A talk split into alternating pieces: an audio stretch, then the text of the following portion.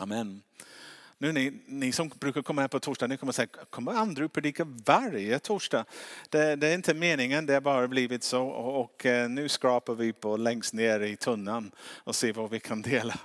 Men eh, vi, jag försökte, eh, de här torsdagarna befinner oss mellan eh, påsk och, och pingst. Och snart kommer pingst. Det är bara två veckor bort. Och, och det är denna tid när lärjungarna var mest förvirrade. jag pratade om att de hade en övergångsperiod och, när, och det är övergångsperioder som är så farligt för oss i livet. Det är där som vi går i baklås. Det är, där, det är just då som, som ibland vi tappar fotfäste och hamnar i någonstans som vi inte vill hamna. Eh, och förra veckan var jag inne på det med att livet har scenbyte. Som en teater. Och, och varken vi vill det eller inte vill det. Eh, livet är fyllt av sådana byten. Och, och, och, det är inte vi som styr dem heller. Det känns som ibland att det finns en Gud har en plan och sen plötsligt den tiden, den kapitel i ditt liv är slut. Och vi börjar en ny. Ibland man är tvungen att flytta, ibland är jobb, arbetsplats som du jobbar för inte finns längre eller du, någonting händer eller eh, flera saker händer och, och plötsligt man befinner sig i en ny fas. Några av de scenbeter täckte vi var bra, andra mindre bra. Det är inte bra till exempel när någon som man älskar går bort, som står dig nära. Eh, när du har en väldigt, din fru eller din man dö eller ett barn dö eller din pappa och mamma, de som står dig väldigt nära. Plötsligt man märker att den tid när jag kunde prata med min pappa till exempel, det är över. Och jag kan grubbla över det och jag kan ångra mig. Åh, om han bara levde. Jag kan, jag kan tänka mig, åh, synd. Om man, om man bara kunde vrida tillbaka. Men sanningen är, vi kan inte vrida klockan tillbaka. Det finns ingenting vi kan göra åt det. Och hur vi agerar eller reagerar i, i de stunder avgör väldigt mycket hur vi kommer må. Om vi mår bra eller om vi mår dåligt om vi är en del av lösningen, om vi är en välsignelse eller om vi blir en del av ett problem. Och jag tänkte, men vilken är en av de största förändringarna om man bortser från döden eller någonting sådär. Det finns många andra saker i livet som kan skaka om oss. Och idag tänkte jag fokus på detta av ledarskapet. Eller när en ledare dör. Eller om du jobbar för ett företag och plötsligt företag uppköps av en annan och plötsligt den, den chef du hade tidigare, han finns inte längre och du får en ny chef. Och de är inte alls som den före detta var. Och du kände så gott på den arbetsplatsen. Det var så roligt att jobba och sen plötsligt är det inte lika roligt längre. Eller du, du går igenom olika faser som jag kommer att prata om om en liten stund. Och det är den biten som jag tänkte prata om idag. Och det finns många exempel i Bibeln. Eh, och en av de bästa faktiskt eh, modell vi har i Bibeln är Mose och Josua. Eh, Mose han var verkligen ett stort man, stort hjärtemässigt och älskad av Gud. Och han var ödmjuk trots att han hade mycket auktoritet och mycket makt. Som det. Men han var klok nog att inte bara vänta till han skulle försvinna. Han investerade i en yngre ledare som följde honom under många år. Eh, så där övergången skulle inte bli så chockerande för Israel. Och det skulle inte vara heller så chockerande för den som skulle ta mantel också och fortsätta vidare. Sen finns det dåliga exempel i Bibeln också. Det finns dåliga exempel som kung, kung Saul som vill hålla i makten. Tänkt aldrig på någon efterträdare. Han, han vill bara hålla det själv och så fort Gud börjar resa upp en annan, han gick i, eh, nästan i krig med honom. Han vill döda honom. Och han vill hålla, trots, trots att Gud hade tydligen kallat en annan att ta över eh, stafettpinne kan man säga. Han försökte hålla i det. Till, till slut Gud var tvungen att fixa det för honom så att han fick lämna det på något sätt.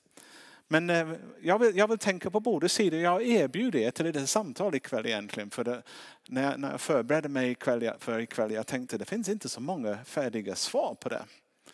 Eh, så det blir mycket diskussion kan jag tänka mig efteråt när vi går i gruppen och tänker hur, hur agerar jag? Eller hur har jag gjort det förut? Hur, Och eh, både om du är ledare också, när du måste backa och någon annan måste komma eller något sånt. Det är sånt som är väldigt viktigt. Och jag har en bibeltext tagit från Josua och det är från kapitel 1, vers 2-3. Det är så enkelt.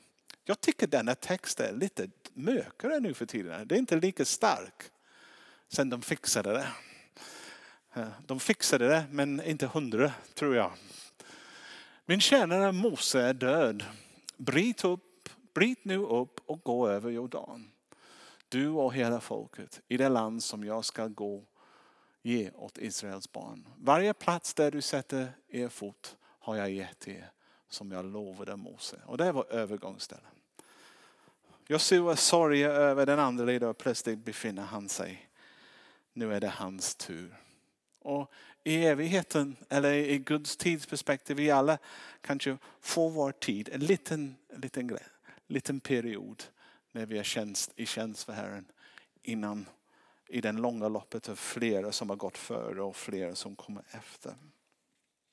Eh, jag, jag, jag, tycker faktiskt att eh, i min erfarenhet, min arbetserfarenhet, jag var brandman innan, jag jobbade på eh, inte bara brandman heller, jag var, jobbade på motorcykelmekaniker. Det var första jobbet jag gjorde. Och sen jag jobbade i en möblingsfabrik och sånt. Så jag har flera jobb. Och en ingenjörsfabrik också en, en, en, gång. Så, så min arbetserfarenhet har, har ofta varit så att när en huvudledare byts ut eh, hela gruppen som finns runt omkring dem går i någon slags kris.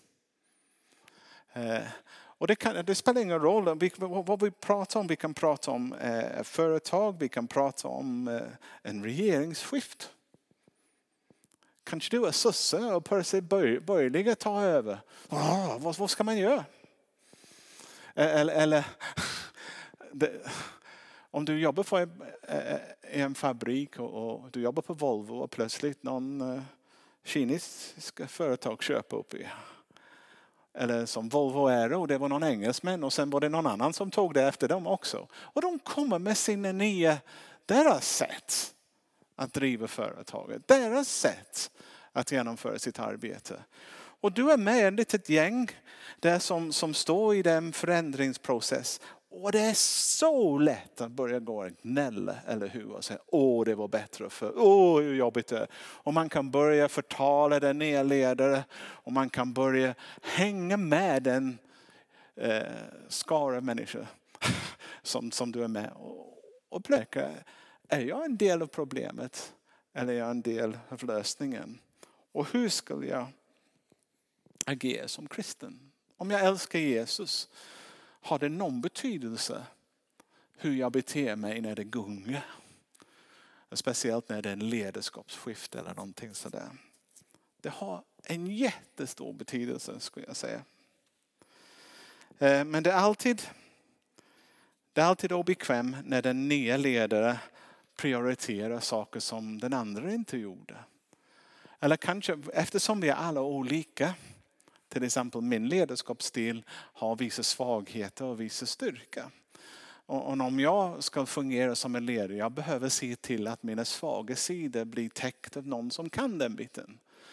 Men om en ny ledare kommer, kanske du var den som skulle hjälpa till eller komplettera. Plötsligt den nya ledaren behöver inte dig för att komplettera sig på den punkten. Men de kanske behöver någon annan. Och du får stå där och tänka, men vad gör jag nu? Det var min plats. Det var jag som hade den positionen. Vad gör jag nu? Och det, de här frågorna de blir jättefrågor. Jag lovar dig, de kan hålla dig vaken på natten. När du känner som någon har gått över huvudet på dig eller nu i den nation. Vad, vad är min plats? Vad är mitt roll? Och även om i Sverige vi inte pratar om hierarkier, vi har inte det officiellt men de finns på varenda arbetsplats ändå. Eller? Lite nickande. För vi, vi, vi, vi vet ungefär var jag finns i, i rangordningen. Och sen plötsligt det, det ombyter sånt sådär. Förr i tiden var det jättefarligt om man var en gossebarn i kungahuset. Till exempel om du var en liten prins Andrew och plötsligt kung pappa dör. Men jag har en äldre bror som heter Paul. Han ska bli kung. Vad skulle han göra med mig? Ja, jag är en hot. Så förut eh, när en, en ny kung kom, den första han gjorde var att döda alla hans syskon. För att säkra sitt eh, eh makt så att det blir stabilt. Och till och med, det var inte säkert om det var kungens rådgivare heller. När den nya kom, eh, de andra rådgivare de fick verkligen läsa av den. Finns det plats för mig eller inte? Om de inte de skulle backa väldigt fort. Och det, men måste göra det väldigt fort för ofta den nya kungen skulle döda alla de andra också. har med det andra att göra. Så historien är grym om man läser det.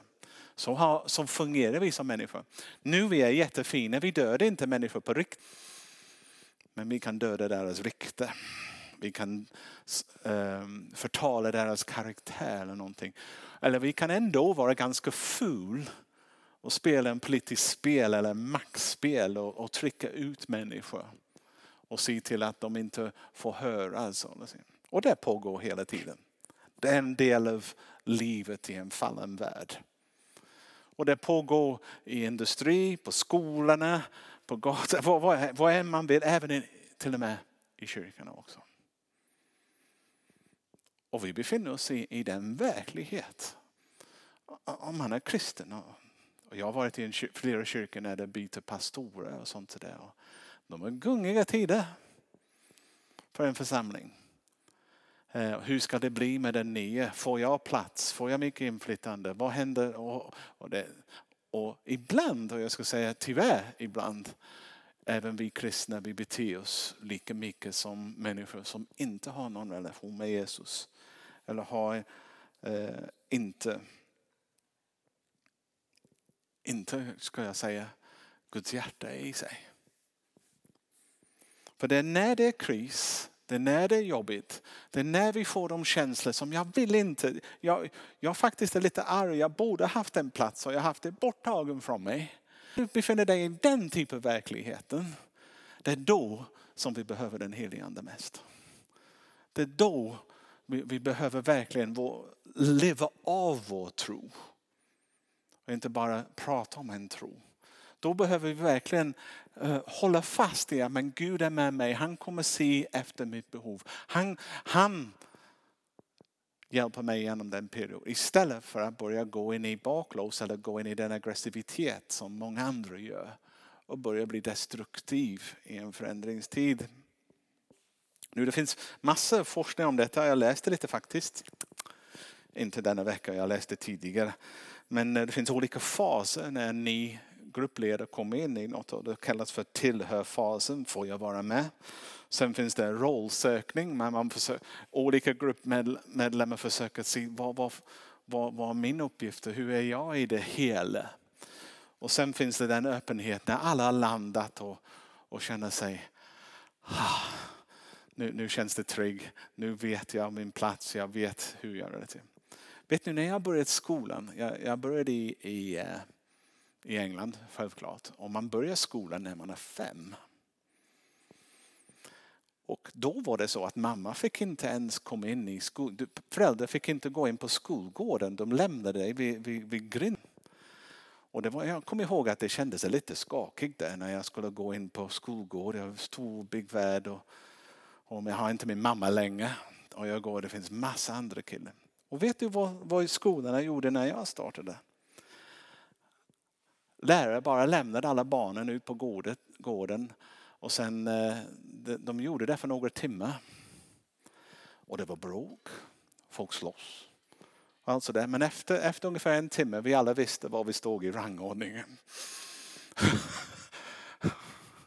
Så var det. Och, samtidigt, och, och, och, när vi killar gick in i omklädningsrummet också, lärare bara öppnade dörren, slängde oss in och efter, efter kanske en halvtimme, vi visste var jag fick sitta i alla fall. Eh, så var det. Och sen var det lugnt än. Varje vecka när det var sport, då visste jag var jag skulle hänga min, min jacka och sånt så där det går. Det var en tuff värld. Engelsmän är lite klo, inte klok ibland. De är lite krigare än nationen och de tycker att våld är okej okay ibland. Jag är inte säkert jag skulle gilla det om det var mina barn som fick gå igenom vad jag gick igenom. Men den öppenhet ibland som vi kan tro att nu, nu är det lugnt, nu är det fint. Men det är inte alltid öppet. Det är inte alltid öppet. Det kan vara en falsk öppenhet och sen bara slå tillbaka. Alltid ta tid innan man känner sig stabil igen. Känner sig som, som man är där man ska befinna sig. Så vad är min roll som kristen? Den frågan vill jag försöka lyfta idag. Hur kan jag bli en del av lösningen och inte ett hinder när en ny ledare dyker upp på jobbet? Och jag har en, några, några, eh, en lista här som jag vill lämna er som förslag. Den första är att inse att vi är människor precis som alla andra. Vi ska försöka inte lura oss att bara för att jag är kristen, bara för att jag, jag tror på Gud, att jag på något slags över alla de mänskliga känslor som kommer välja över oss. Man är människa. Och om jag är människa, det betyder att jag måste ta tid också att anpassa mig. Det är en process som jag måste gå igenom. Och sen också som lås i våra tankar, det finns ingen tillbakagående. Kasta inte tid att bara önska, om det var bara som det är. Det kommer aldrig bli som det var. Och vi har ingen annan val än att möta den förändringstid rakt på och, och bara säga yes, den är någonting, denna tid måste vi gå igenom det. Och sen vi, vi får ha det som en verklighet och Gud är med oss. Och vila i det. Det är en sanning. Så jag lovar att jag är med alla dagar även till tidens slut. Är det ett löfte eller är det bara en liten vers som vi läser ibland? Tror jag på det? Eller tror jag inte? Tror jag att Gud lämnar mig bara för att livet är tufft ibland? Nej, även i de tuffa perioder när man måste lära sig att ny verklighet är han med oss. Och sen man måste tänka också, skitsnack, förtal och avundsjuka är inte tillåten för en kristen. Punkt. Det är aldrig rätt för mig att förtala någon. Och det är bättre att jag håller tyst än att säga någonting som, som, är, eh, eh, som är ond mot en annan människa. Och kom ihåg vad andens frukt är. Det är kärlek, glädje, frid, tålamod, vänlighet, godhet, trofasthet, ödmjukhet och självbehärskning. Be Gud fyll dig med hans ande. Be honom Gud, jag, jag vill ha den frukt just nu. Mer än någonsin. För det är nu jag behöver det. Och sen, vi ska vara aktiva och inte passiva. Alla kristna är kallade till försoningstjänsten. Vi ska vara olja i maskineriet, inte skiftnyckeln. Vi ska vara de som var arbetsgivare tycker det, jag är så glad Eh, att ni jobbar för mig. Jag är så glad att ha Ingrid i min team. Jag är så glad att Daniel är med. När de tänker på de som är på jobbet, de tänker de är så lätt att jobba med. De är så, de kanske inte alltid följer vad jag vill men, men jag vet att de är ärliga, jag vet att de sköter sig och jag vet att de kommer inte ta kniv i ryggen på mig eller någonting. Alla kristna borde kunna vara sådana människor. Och sen eh, det finns i oroande tid, eller tid när allt börjar förändras och sånt. Vi har ett ansvar tycker jag för att komma med någonting uppmuntrande. Det är lätt att se problemet. Alltid lätt. Det är lätt att se det som är fel. Det är lätt att se brister i andra människor. Det är lite svårare att se det som är gott och bra. Eh, för vi är fallen på det sättet. Men om vi ber Gud, hjälp mig se någonting gott i den nya leder och låt mig förmedla det. När allt snack börjar gå, åh nej, nej, nej, nej. Uppmuntrande ord är som balsam eh, i, i såret. Och sen ska vi tacka Gud för möjligheten att vara salt och ljus.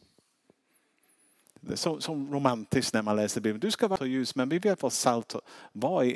Salt var gamla dags kylskåpet. För att förhindra fisk att ruttna. De, de tog salt och, och vad säger man, rubbed, gnöja in i det. Och den förvarad. Och samhället kommer, din arbetsplats kommer bli rutten. Din församling kommer ruttna. Om inte saltet går in. Och det är en naturligt följd av att det finns brister. När fisken ruttnade, de, ska säga, de säger inte varför har det ruttnat, de ska säga vad var fel med saltet. Eller när, när jag öppnar min kylskåp och maten är dåligt. Jag säger inte men vad är fel med maten, jag säger vad är fel med kylskåpet. Och vi är kylskåpet. Om du är kristen är din uppgift att förhindra ruttnelse. Han försöker sätta stopp för det destruktiva. Och det är vår plikt. Det är vad vi är skapade för. Det är vad det innebär att vara en välsignelse. Och det märks aldrig mer att du är en välsignelse än under tuffa tider. När det är jobbigt runt omkring dig. Det är då som andra ser det. Det är då som andra märker det.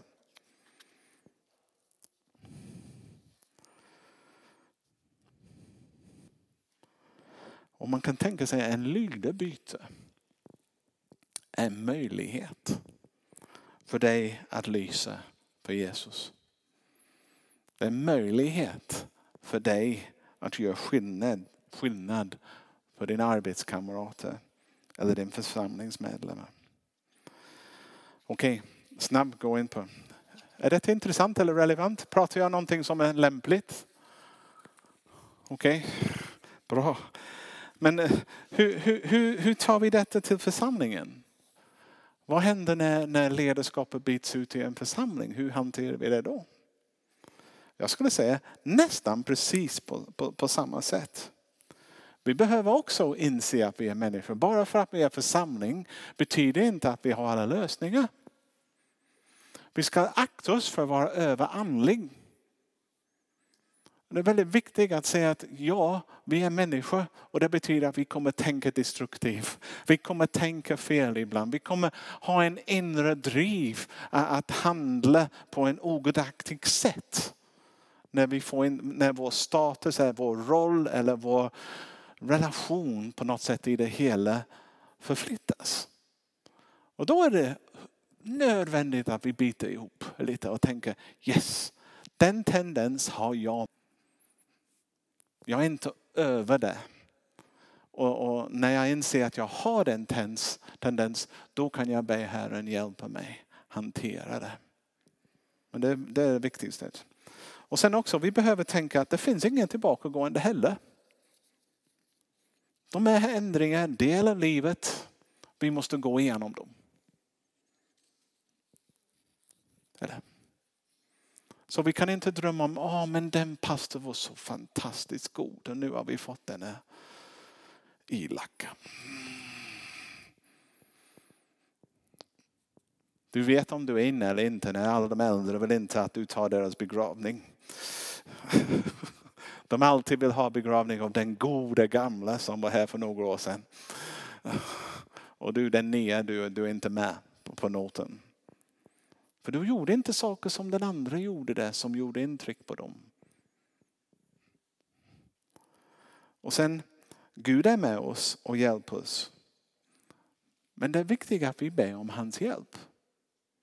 Och till och med när vi ber om hjälp, vi kan be Gud fixa den dålig nya ledare. Och det är inte en bra bön. Där bör Gud hjälpa oss, anpassa oss. Om du kan säga och hjälpa han eller hon också sig till oss. Vi gör inte den som problemet. Vi ser, vi, vi ser oss själva som en del av en helhet som måste ha den heliga andes olja i det. Och sen också, vi får komma ihåg att det, det är inte tillåtet skitsnack, förtal, avundsjuka och sånt där. Det är inte någonting som kristna sysslar med. Och andens frukt är inte bara ett bibelvers i bibeln. Andens kärlek, glädje, frid, tålamod, vänlighet, godhet, trohet, mildhet, självbehärskning. Självbehärskning. Här. Självbehärskning. Håll munnen stängd. Säg inte det. Tills man har lugnat ner, räknat till tio och sen tänker hur kan jag säga det istället. Och om vi kan också försöka ställa oss i andras skor. Det är så självklart. Det är ABC. Lärjungaskap. och hur det kan betyda mycket. Och var aktiv, inte passiv. Se din roll som, som brobyggare. Försoningstjänst. Ja, det är en fin ord. Men det är alldeles för få som sysslar med det. Och tala gott och uppmuntra. Och tacka Gud för möjligheten att vara salt och ljus. Precis som det. Jag, ni märker, jag ser ingen stor skillnad i kyrkan på arbetsplats för en kristen. Vi ska inte bete oss på en viss sätt när vi kommer till kyrkan och en annan sätt när vi är på arbete. Eller i skolan. Det är samma. Du är samma person, kallad att leva samma sorts liv med samma redskap. Ingen dubbelliv på något sätt. Men jag, jag har en tips också. Man, man, man, kan ta ett steg tillbaka och be Gud. Hjälp mig se helheten. Vad är det du gör nu? Okej, okay, du har lett oss in i en förändringstid. Du är här med oss. Vad är du? vad är det du vill åstadkomma med detta? Ibland en ny ledare kommer som inte som den, den tidiga för att den tidiga hade inte en viktig del som vi behöver som helhet. Deras gåvomix inkluderar saker som den andra inte har. För att vi behöver helheten. Och om vi får en ny ledare, det är en möjlighet att se en ny del av vad Gud vill till oss. Inte bara fortsätta i den gamla och tro att det är den optimala. Och sen vi behöver också bära med oss att det är Gud som bygger sin församling. Och det är han som bestämmer när det är dags för en senbete. Och det är inte ledare som den viktigaste. Det är vad Gud vill ge, göra genom den nya ledare som vi måste vara öppen för. För om Gud har kallat någon med en annan gåvomix, han tydligen vill att församlingen ska ta del av det. Så det gäller att göra det. Det står i första Korinthierbrevet 3, 6 och 7. Jag, det är Paulus som skriver till, till, eh, till, till församlingen i Korint. Jag planterade, apost, apost, Apollos vattnade, men Gud gav växten. Varken den som planterar eller den som vattnar betyder något. Bara Gud han som ger växten. Det är lätt i en ledarbit att alldeles för mycket fokus på ledare istället på Gud. Vad vill du genom dem? Lite sånt. Skifta fokuset lite. Så det inte blir bara den person som man tänker på. Och jag har skrivit här i min anteckning, ledare kommer och gå men endast Gud består. och det är viktigt att veta. Tyvärr inträffar det ofta att efter en ledare har slutat, eh, det är då man inser att Gud gav väldigt mycket genom den. Och ibland man kan tänka, jag borde ha varit lite mer tacksam. Jag, jag har fler pastorer som har talat in i mitt liv gång på gång på gång. Och jag älskar dem och jag har fått möta Gud genom deras tjänst många gånger. Och eh, en av dem Även nu när jag tänker också, jag har glöd i hjärtat när jag tänker på det. Och min tanke, undrar om han visste om det någon gång. Hade jag någon gång sagt till honom? Nej. De behöver uppmuntran också ibland. Speciellt i, i äldre. Det finns en bibelord som jag tycker som pastor är ett fantastiskt ord. Det står i Hebreerbrevet 13, vers 17 nu är det lite skoj här, men jag, är lyd er ledare och rätta er efter dem, för de vakar över er själ och skall avlägga räk, räkenskap. Låt dem göra det med glädje och inte suckande, för det skulle inte vara lyckligt för er. Jag ska säga. Det är bra, eller hur? Och det är sant. Jag ska säga, vill du ha en rolig arbetsplats? Till att din ledare mår bra. Och det är roligt. Gör det, gör det tungt för din ledare, då kommer du dra med i det också. Gör, gör arbete behagligt för dem, du kommer göra det behagligt för dig själv. Så du, snarare vi kommer på den tanken, det bättre det blir för alla. Klockan jag ser, det, jag har sagt tillräckligt mycket. Ni har fått poängen eller? Nu när vi delar på sin grupper, jag, det har, jag vill att ni pratar om hur agera eller reagera, reagera, regera den regering eller hur? Ja. Svenska är jobbigt språk ibland. Ja. Det är därför jag är inte svensk.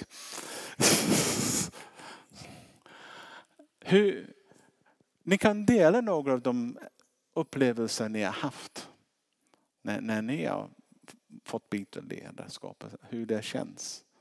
Och, och prata om det lite, men hur, hur agerar du? Eller hur har du agerat när det har funnits en ledarskift på din arbetsplats eller i församling? Okej? Okay? Ska vi be?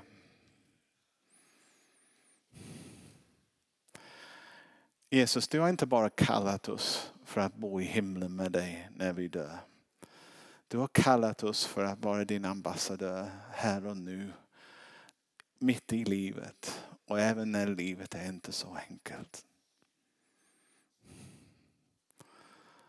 Heligande, jag ber att du förvandlar oss på insidan så att vårt sätt att leva matchar vår tro. Och att vi verkligen ska bli salt och ljus i alla livets förhållanden och sammanhang. Kom och påminn oss när vi börjar gå fel.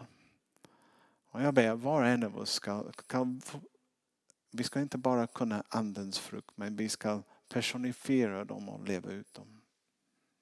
I Jesu namn. Amen. Amen.